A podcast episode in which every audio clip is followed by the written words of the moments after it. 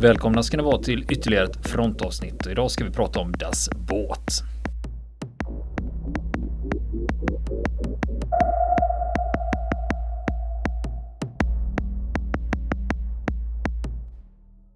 Nu fortsätter vi prata om Das Båt.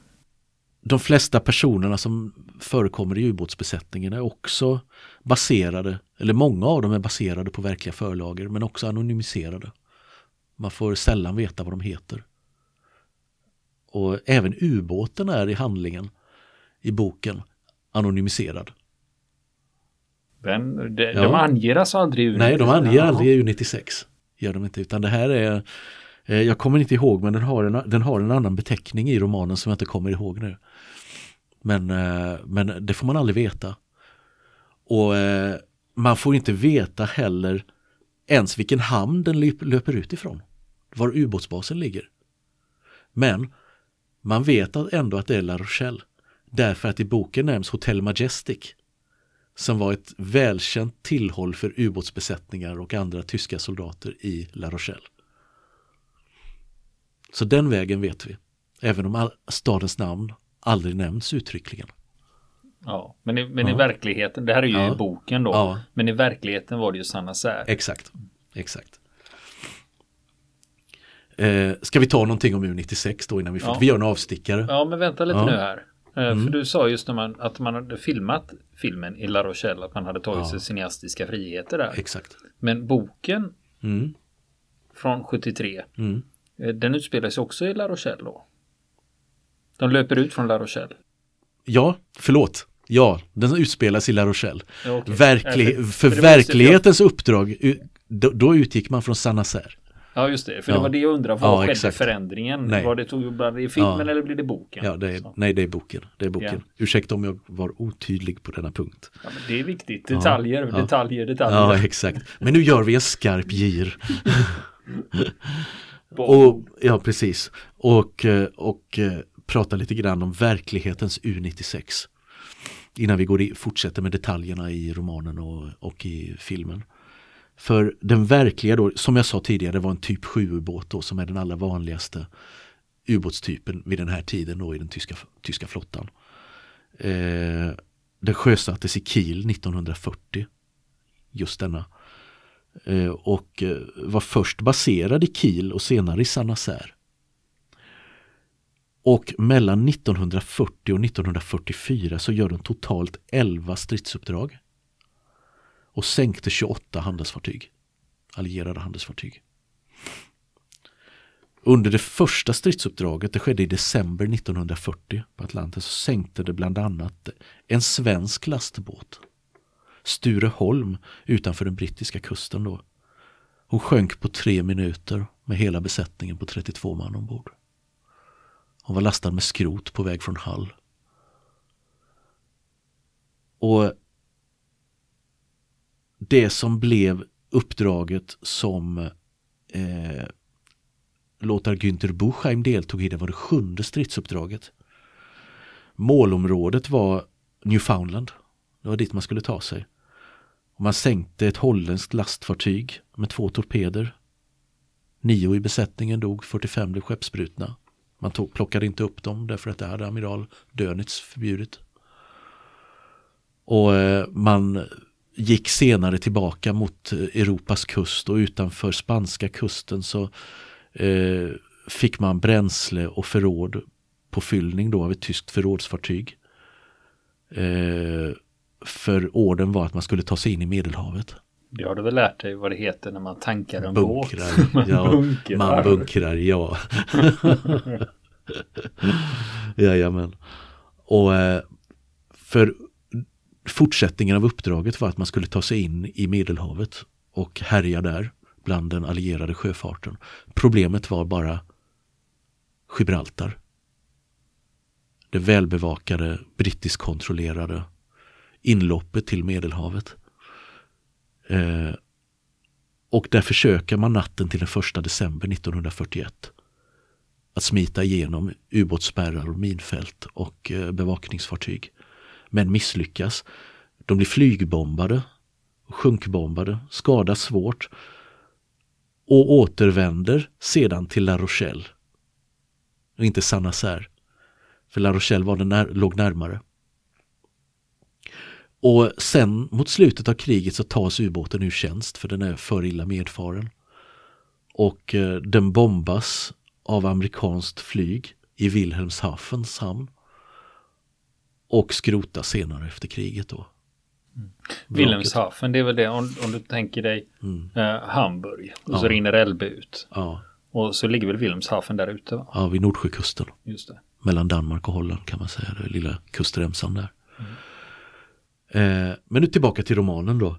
För boken den börjar precis som den första filmen då med den här vilda festen på en bar som har byggts av eh, den nazistiska arbetsorganisationen Organisation Tott för tyska soldater.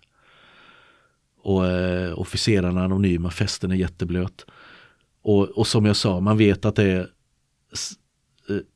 eh, Alltså det här, fram, det här är tillhåll för ubåtsbesättningar. Och på den här festen, de äldre officerarna, man får följa deras diskussioner på fyllan då. Eh, med de yngre officerarna. Och de äldre officerarna de tror inte på segern och anser att, att fiendens styrka är för stor.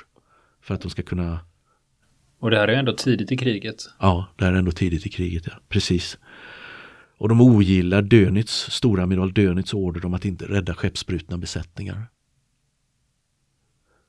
Och eh, även om de här officerarna gör sin plikt då, de lyder order, så finns det ett motstånd bland dem. Inte så mycket mot regimen i sig, utan mot den nazistiska krigspropagandan som de liksom skämtar om och förlöjligar som oerhört förljugen. Och nästa morgon så kommer de till ubåtsbasen då. Genom den st bombade staden och då, till den sista biten så får de i boken ta sig till fots på grund av alla bombkratrar efter de allierade flyganfallen. I en av replikerna säger försteingenjören på båten då att ja, kolla här det är sju meter betong, armerad betong i taket. Så att vi, här klarar man sig. Ungefär, men det är faktiskt historiskt felaktigt för så tjockt tak fick den här ubåtsbunkern först följande år. Och fram tills dess var det bara tre meter.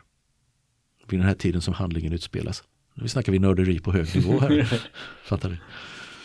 Och sen ombord då under uppdraget, det som upptar huvuddelen av handlingen då, som skildrar ju trängseln, enformigheten, snacket för att fördriva tiden, stormarna och det som kallar, man kallar på tyska för jagdfiber, alltså upphetsningen, jaktfeber under anfall och strid. Och den här samvetskonflikten man plågas av när man tvingas lämna skeppsbrutna från torpederade båtar åt sitt öde. Och så den, naturligtvis det som är mest man känner igen mest av allt, den här anspänningen då vid sjunkbombsfällning och ubåtsjakt. När du hör sonaren. Och du hör propellrarna från fiendens fartyg och ploppet av sjunkbomberna som landar i vattnet. Och höjdpunkten i berättelsen då i boken det är när ubåten blir skadad och sjunker till botten i Gibraltarsund. 280 meters djup i berättelsen då. Trots det att de är långt över vad skrovet skulle klara så håller det. Och de kämpar febrilt för att få igång ubåten igen. Där nere i mörkret. Och det här hände i verkligheten fast inte en gång utan två gånger för U96 under det här uppdraget. Att man sjönk till botten. Men inte på 280 meters djup utan bara på mellan 50 och 70 meters djup. Och Buchheim själv, han har då kallat den här för en roman då, men att samtidigt är ingen fiktion. Det man kallar för faction. Faction skulle vi sagt idag. Det var ett ord som inte var uppfunnet då. Nej, men det är ganska nytt. Det var inte ja. så länge sedan jag sprang på det. Just när du blandar fakta och fiktion, mm. då hamnar du i faction. Just det. Och när boken kom ut då så fick den väldigt fina recensioner men det var väldigt många också som blev oerhört upprörda över över den här romanen och många av de här var tidigare ubåtsmän. Framförallt högre officerare i det tyska ubåtsvapnet. Som eh, tyckte att det här var ju skamligt och nedrigt att dra ner det här i smutsen på detta sättet. För det var just detta, det som skapade upprördheten, det var just hur de tyska matroserna ombord porträtterades. Och så den här fixeringen vid snusket i samtalen ombord. Men den verkliga fartygschefen på U96 som var vid livet vid den här tidpunkten Heinrich, Heinrich Lehmann Willenbrock. Han hade själv läst boken och han var senare även med vid filminspelningen av spelfilmen då. Han tyckte boken var bra, att det stämde överens eh, liksom med livet ombord och tyckte det var en spännande historia. Så han var helt med på noterna. Men det fanns ju andra som ville att han skulle liksom ställa upp och uttala sig kritiskt. Och ta avstånd. Ta avstånd från boken. Och en av dem som faktiskt ringde upp honom. Det var den stor, pensionerade storamiral Dönitz. Tidigare befälhavare för ubåtsvapnet och senare för hela tyska flottan under andra världskriget. Men vet du vad han gjorde då? Han vägrade ta samtalet. Han vägrade komma till telefonen. Det är Dönitz som ringer. ja, visst. Han vägrade, han vägrade eh, ens ta den diskussionen. Så Dönitz gillade den inte.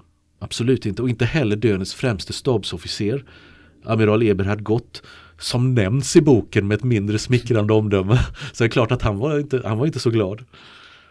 Och en del gamla ubåtsveteraner var så arga så att de skrev en egen bok på 1980-talet som en slags ja, motbok är ju fel ord på svenska men en antibok som var mot Buchheim där de letade upp alla faktafel i den för att för att sänka den. För att sänka den helt enkelt.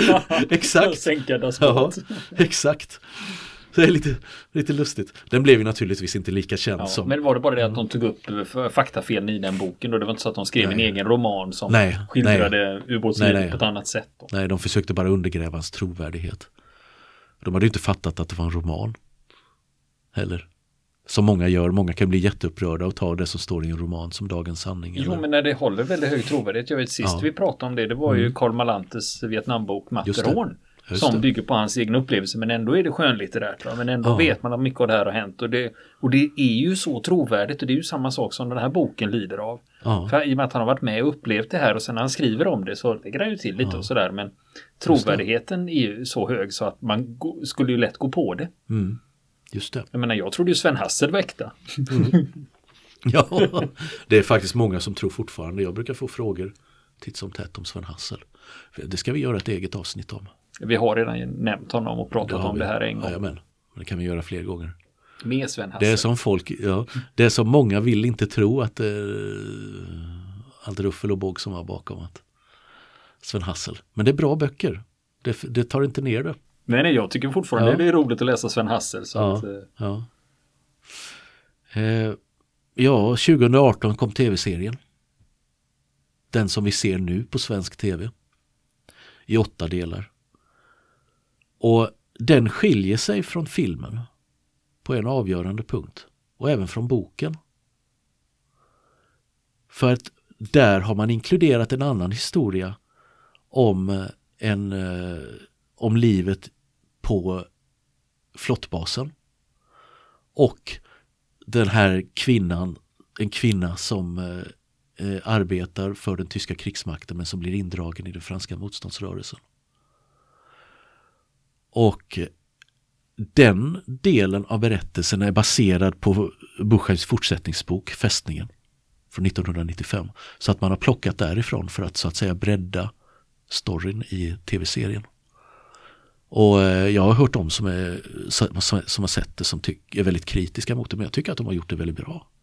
Jo, måste jag säga. Men eh, jag tror också man gör det för att man är rädda för eh, man behöv, att man behövde lite variation. Ja. Eh, och sen slänga in någon love story och lite sånt kan man ja, göra också då. Ja. Jag menar skillnaden om det är 50 svettiga män i en ubåt liksom. Timme ja. ut och timme in. Precis. precis. Det, det, det ställer, kanske inte lockar halva nej, biopubliken. Nej, men det ställer så mycket högre krav på, eh, på en berättelse för att, för att hålla publiken mm. på nålar. Och för att man ska orka liksom beta igenom, var det åtta timmar totalt eller någonting. Just det, just det. precis. Men eh, mitt dömde, klart sevärd. Jag tycker att de har gjort det här med mycket, på mycket hög nivå, den här tv-serien. Eh, så att eh, det är en värdig efterföljare till filmen. Även om filmen förstås är, det finns inget som slår den. I mina ögon. Fortfarande. Eh, typ 7C, som jag sa, det var ju själva ubåtstypen då. U96 och ubåten som var i, i, eh, i eh, berättelsen då som var den mest tillverkade, vanligast förekommande ubåtstypen i, eh, i den tyska flottan. Och eh, man kan säga att ungefär 80% av alla tyska ubåtar under kriget de var typ 7 ubåtar. Och finns det någon kvar? Tro. Finns det inte Var ska vi leta? Ja, men ingen typ 7. Ah, fan. Nej. Det finns en kvar i hela världen. Är det den som är i USA? Nej, det är inte en typ 7. Okej, okay, Afrika, Asien. Nej, den står faktiskt i Tyskland numera. Gör den. Den, det är U995. Och eh, den står eh, i ett litet samhälle nära tysk-danska gränsen, Plön. Där eh, det stora eh, marinmonumentet, flottans monument, tyska flottans minnesmonument står. Eh, det var ett monument som hade byggts redan efter första världskriget då för att man skulle hedra de döda i tyska kejserliga flottan och sen har man utvidgat det då till att även infatta de stupade från andra världskriget. Och det här var en samlingsplats under många år efter kriget för tyska veteraner från flottan där man hade olika minnesceremonier och så vidare. Och 1972 så ställdes världens enda bevarade typ 7-ubåt upp där som ett museifartyg och man kan gå in i det som besökare. Och Men se du sa det vid dansk-tyska gränsen? Ja, vid dansk-tyska gränsen. Men är det på Nordsjösidan då? Nej. Är det på Kielsidan? Ja, exakt. Och eh, vi kan lägga ut eh, detta på eh, vår Facebook-sida närmare koordinater för de som är intresserade och kanske är lite osäkra på vägen. U995 den hade tagits i tjänst så sent som 1943 och han med nio uppdrag, stridsuppdrag. Under de här stridsuppdragen så sänkte man fyra sovjetiska handelsfartyg och en sovjetisk patrullbåt. För den härjade mest uppe i Ishavet och norra Atlanten. Den här ubåten. Efter kriget, när Tyskland kapitulerade, ja då fanns den i Norge och togs därmed över av norska staten. Och blev efter kriget en skolubåt i Narvik. Ja, för, för den, norska var ju, ändå, den, den var ju high tech då. Ja, ja, ja det ja. var ju en fullt funktionsduglig tysk ubåt. Var det ju state of the art. Och eh, fick namnet Kaura i eh, norska flottan. Och där var den i tjänst ända fram till mitten av 60-talet då den togs ur tjänst. Och sen såldes den för en symbolisk summa på en D-mark. Idag motsvarande kanske ett fyra kronor eller någonting. Till, eh, till Västtyskland. Och när den kom dit så restaurera, rustades den upp, restaurerades och återställdes i det skick den hade varit 1945. För att sen ställas upp då som ett eh, ställas ut som ett museum, en museiubåt. Jag kan gilla sådana här ja. grejer, att man bevarar ja. någonting ja, åt eh, visst. framtiden, att man ja. lägger ner tid och energi. Det är ju värt hur mycket som helst. Ja, visst. De flesta av typ 7-ubåtarna de hamnade ju på havets botten. Och eh, de var ju så pass, hade ju varit så pass många att uh, det var väl ingen som tänkte, de var så, hade varit så vanliga att det var ingen som tänkte så mycket på att bevara dem. Så att det blev bara en kvar av dem.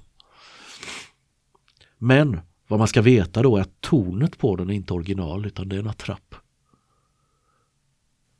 Den har ett väldigt kar karaktäristiskt ton men det hade försvunnit i norsk tjänst om man hade byggt om den då. Hade man gjort. Men det återställde man som den såg ut i original.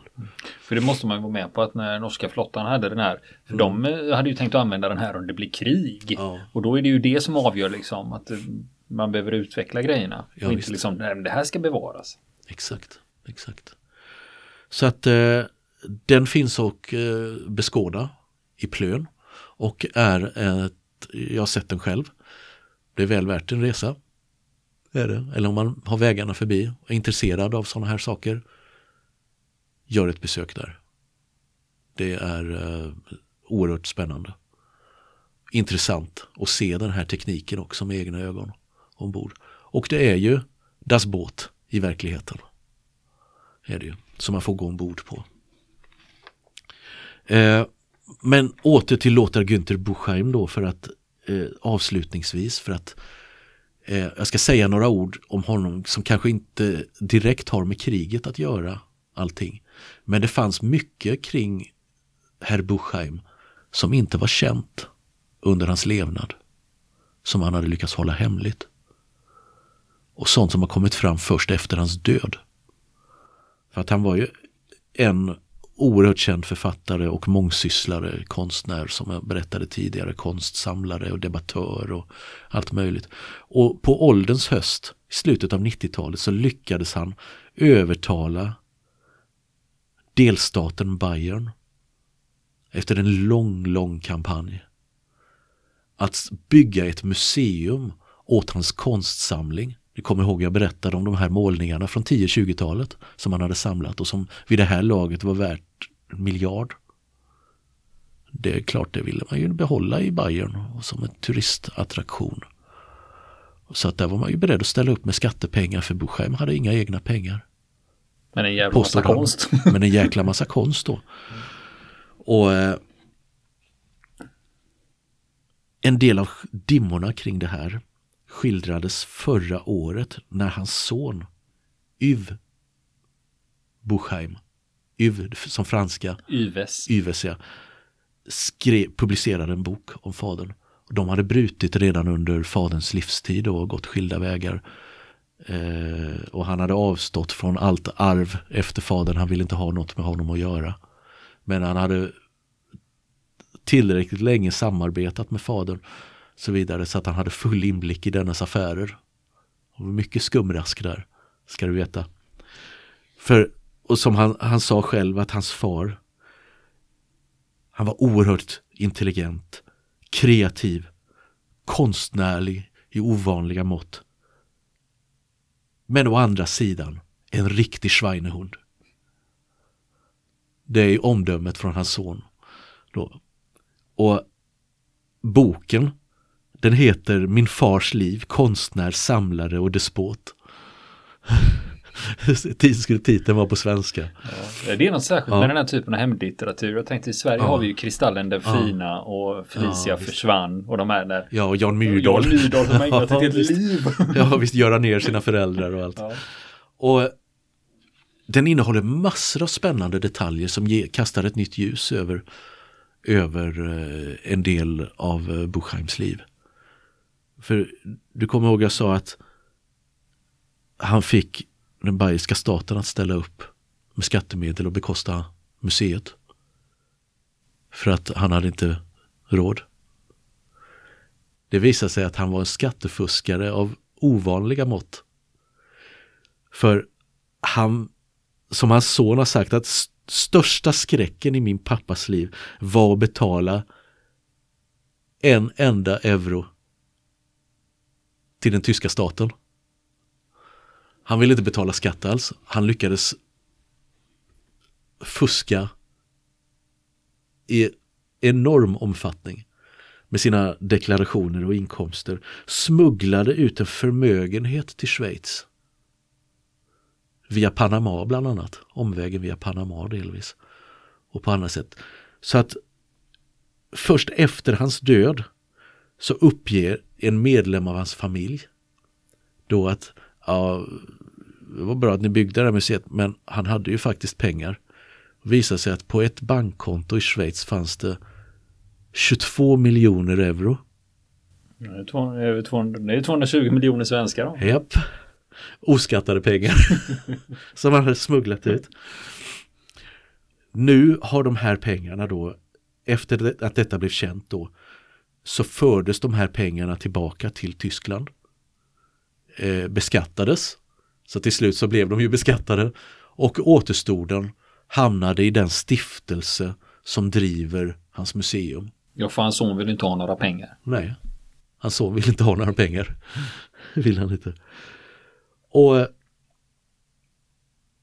en annan sak kring detta är ju, vad hade han fått konsten ifrån? I samlingen. Hans egen story, det var att efter kriget kunde man köpa tavlor hur billigt som helst för typ ett ägg och ett paket cigg. Så kunde du köpa en tavla av en stor mästare. För att eh, allt var till salu. Folk behövde med, ja, ha mat i magen. Och eh, du kunde köpa eh, värdefulla föremål för struntsumma. Men en annan fråga där. Ja. För jag tänker just under naziregimen, hur, ja. sågs, hur såg man på tysk expressionism? Ja, den var inte populär. För det var ju, man hade, jag vet att naziregimen hade ju åsikter ja. om konst som visst. inte var liksom direkt avbildande och ja, naturmotiv. Nej, precis, precis. Nej, den var inte populär. Utan den fick inte ställas ut på museer.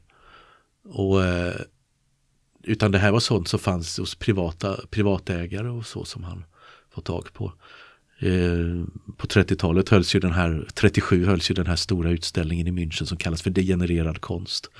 Art till e konst. Där man skulle visa hur förfärligt det här var jämfört med idealen som nazisterna stod för. Men den där utställningen blev ju väldigt populär bland den tyska allmänheten men i många fall av helt fel anledning. Folk tyckte ju om det här och ville se det. Många av besökarna där, så de var ju inte där för att förfasa sig. Det var ju lite problem för naziregimen då. Men, eh, men det där med att han hade fått tag på billig konst direkt efter kriget på detta sätt. Det var kanske bara delvis med sanningen överensstämmande. För i verkligheten hade väldigt mycket av den här konsten smugglats in från det kommunistiska Östtyskland. För varje år, två gånger om året, så tog han sin kombi åkte över gränsen till en, och till en stor konstmässa i Leipzig i dåvarande kommunistiska Östtyskland. Och då fyllde han hela eh, bagageutrymmet då i, eh, i bilen med en med sina målargrejer och tavlor och skisser och dukar och allt möjligt i en enda härlig röra. Det var inte en ordning på något utan det var bara en enda stor ja, kaos där bak i bilen. Sen åkte han runt hos privatpersoner. Framförallt i södra delen av Östtyskland där flera av de här expressionistiska målarna hade haft sina ateljéer under 1910 och 1920-talet. För där, där, för där räknar man, där finns ju konst, det måste finnas konst kvar. De har ju sålt till privatpersoner. Måste ju hänga på väggarna där. Och det gjorde det ju. Så han köpte konst till en billig penning men betalade i åtråvärd D-mark, västvaluta. Mm. Och sen stoppade, tog han ut de här målningarna ur sina ramar och stoppade in dem i sin egen röra där bak. Vilket gjorde att tulltjänstemännen kunde inte skilja är det en Otto Dix eller är det en Buchheim? så på det sättet så smugglade han systematiskt över värdefull konst efter kriget från Östtyskland. Det här berättar han aldrig offentligt. Någonting om. Och kommer fram då efter hans död. Och att han heter Uv då för övrigt, hans son, det beror på att, han, att hans mamma var fransyska. En fransk kvinna som, eh, som eh, Lothar Günther-Bucham hade träffat på den här marinbasen under kriget och fått ihop det med. Men som sen efter kriget lämnade honom och stack till USA med en ny man. Men sonen dumpades hos fadern. Låter Günther Buchheim i Tyskland. Eller som han själv uttrycker det, Yves Buchheim. Jag parkerades där. Men jag tänkte på, ja. det kan ju inte ha varit någon, eh, det kan ju ha varit en liten laddad historia där ja. och en fransyska som är ihop med en tysk. Ja visst, ja, men, eh. det var väl inte okomplicerat på något sätt. Det där, även om det naturligtvis hände rätt ofta sådana historier. Och eh, själv har han sagt att jag, han levde ju med sin far väldigt länge och lärde känna alla dennes hemligheter då. Och samtidigt då så som han sagt att han var den sämste pappan man kan tänka sig. Var han. Och han har sagt i intervjuer att eh, ja, min far han brukade säga till mig ibland att jag, dig borde man skjuta för du känner till för mycket. För då har han ju något att dölja. Ja, precis. Och, och eh, inte nog med det, för det har också i boken publicerats saker som har krupit fram efteråt som inte ens sonen hade reda på. Men som han efter faderns död har fått fram när han har forskat om honom. Och då visade det sig att någonting som han aldrig talade om och som det i hemmet inte fanns några papper eller dokument kring. Det var att hans far hade suttit i fängelse. Bochheim? Alltså. Ja. Han hade suttit i fängelse efter kriget. För att han hade han hade dömts till ett års fängelse för att ha stulit bensin och värdesaker från de amerikanska trupperna i Tyskland. Och det, de papperna var, kom fram först efter hans död och eh, väckte naturligtvis förvåning men passade in, som jag säger, i sonen, bilden av fadern, sonens bild av fadern då så att säga. Och dessutom så påstod Buchheim att han aldrig hade varit nazist. Konsekvent då att han eh, liksom eh, förljugen ideologi, förljugen propaganda och så vidare. Han var, men i verkligheten så hade han, ju, hade han varit en av funktionärerna i Hitlerjugend före kriget. Nazistiska ungdomsorganisationen. Och han hade fortsatt under hela tiden att skriva texter i, eh, i sådana här ideologiska utbildningsböcker och uppfostringsböcker som användes av Hitlerjugend. Där man skulle indoktrineras i den rätta läran och så vidare. Men det knep han höll han tyst om under hela sitt liv. Ja, men det, det, förstår jag. Det hade varit lätt att ducka ja. den. För om du tänker, nej men jag gick ju på konstskola. Jag tillhörde liksom ja, den visst. intellektuella sidan. Ja, det var klart att vi inte var intresserade av sånt. Nej, precis, precis. Men eh, hans museum, det finns fortfarande. Se, det heter Buchheim museum. Ligger i en liten eh, sydtysk stad, eh, Bernried heter den. Och eh, där finns de här, den här konstsamlingen. Och där har man också, så sent som häromåret, också återskapat ett antal rum från Lothar Gunther Buchheims eget hus. Huset revs här om året men då räddade man några inredningar därifrån för att återskapa i museet några av miljöerna i författarens hem. Så där kan man se var han satt och skrev Das Boot. Och även den bästa författare har hemligheter. Visar en sån här historia, det vet vi att det är många författaröden som inte är så snygga när man börjar titta på verklighetens personer bakom. Det vet vi med Sven Hassel exempelvis i det här gebitet. Ja, och sen är till. Ja, vänta bara. Det kommer fram först efter min död. Vill ni komma i kontakt med oss så kan ni göra det via vår Facebook-sida som heter Fronten. Det är inga problem för er att leta er fram där. Eller också så mejlar ni på vår mejladress och det är frontenpodcastgmail.com.